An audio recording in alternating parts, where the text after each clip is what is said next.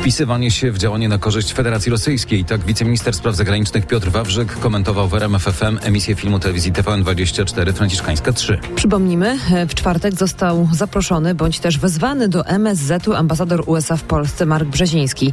Podejmował go właśnie wiceminister Wawrzyk. Proszę pamiętać o tym, że sojusz Polski i Stanów Zjednoczonych jest e, czymś e, wyjątkowym, szczególnie w tych, w tych trudnych czasach a tego rodzaju, a tego rodzaju działania obniżają naszą zdolność do reagowania na ewentualne zagrożenie, gdyby ono się pojawiło ze wschodu tego rodzaju.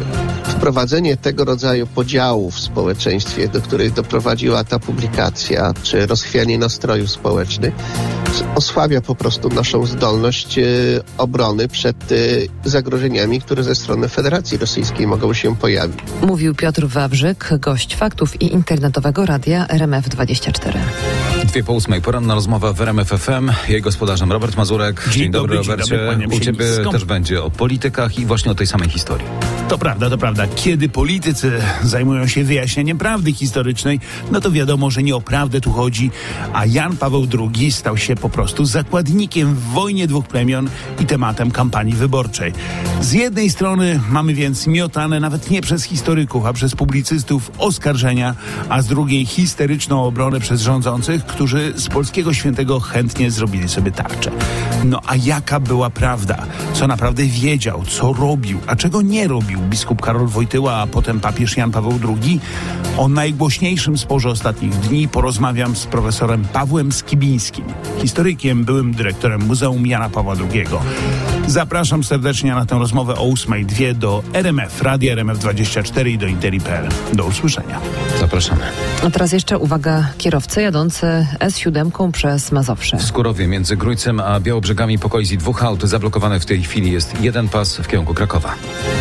Czas na fakty ekonomiczne w RMFFM. O poranku w studiu Krzysztof Berenda. Dzień dobry. Witam, dzień dobry. Ameryka obudzi się dzisiaj w strachu o wybuch nowego, potężnego kryzysu bankowego, e, który ma być pokłosiem piątkowego upadku Silicon Valley Banku. E, to jest największe bankructwo w amerykańskiej bankowości od 2008 roku, e, czyli od kryzysu Lehman Brothers.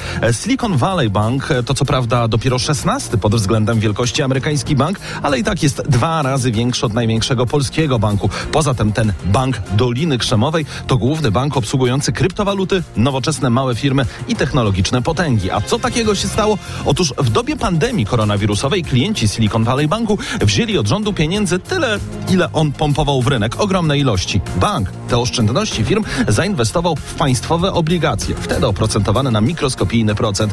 Bank de facto te pieniądze więc zamroził, co było błędem. No i teraz, gdy stopy procentowe wzrosły i nagle podrożały kredyty, to te młode amerykańskie firmy chciały właśnie wyciągnąć swój kapitał, no bo nie mogły przecież wziąć kredytu. Problem w tym, że ten kapitał był zamrożony właśnie w obligacje. Skoro klienci pieniędzy nie mogli dostać, to się przestraszyli, rzucili się zlecać wypłaty, no i bank zbankrutował. Było wiele sygnałów ostrzegawczych, które były ignorowane. Przede wszystkim niepotrzebnie bank postawił tylko na jedną branżę, czyli technologiczne małe firmy. Do tego niepotrzebnie kupował tyle obligacji. Tak tłumaczy Gerard Comicio, czyli specjalista od prawa bankowego z Uniwersytetu Waszyngtońskiego. Jakie to wywoła skutki? To może dzisiaj zatrząść giełdami i walutami. To może także wywołać jakąś panikę na rynku kryptowalutowym, no bo przecież banki obsługiwał. To wreszcie może zdemolować amerykański sektor technologiczny, ale powtórki z tego wielkiego kryzysu 2008 roku raczej nie będzie, mm, tak twierdzą ekonomiści. Rynki na razie spokojnie czekają z reakcją. Euro w tej chwili kosztuje 4,67, frank szwajcarski 4,75, dolar 4,36, a brytyjski funt 5,28. Radio, muzyka, fakty. RMFFM.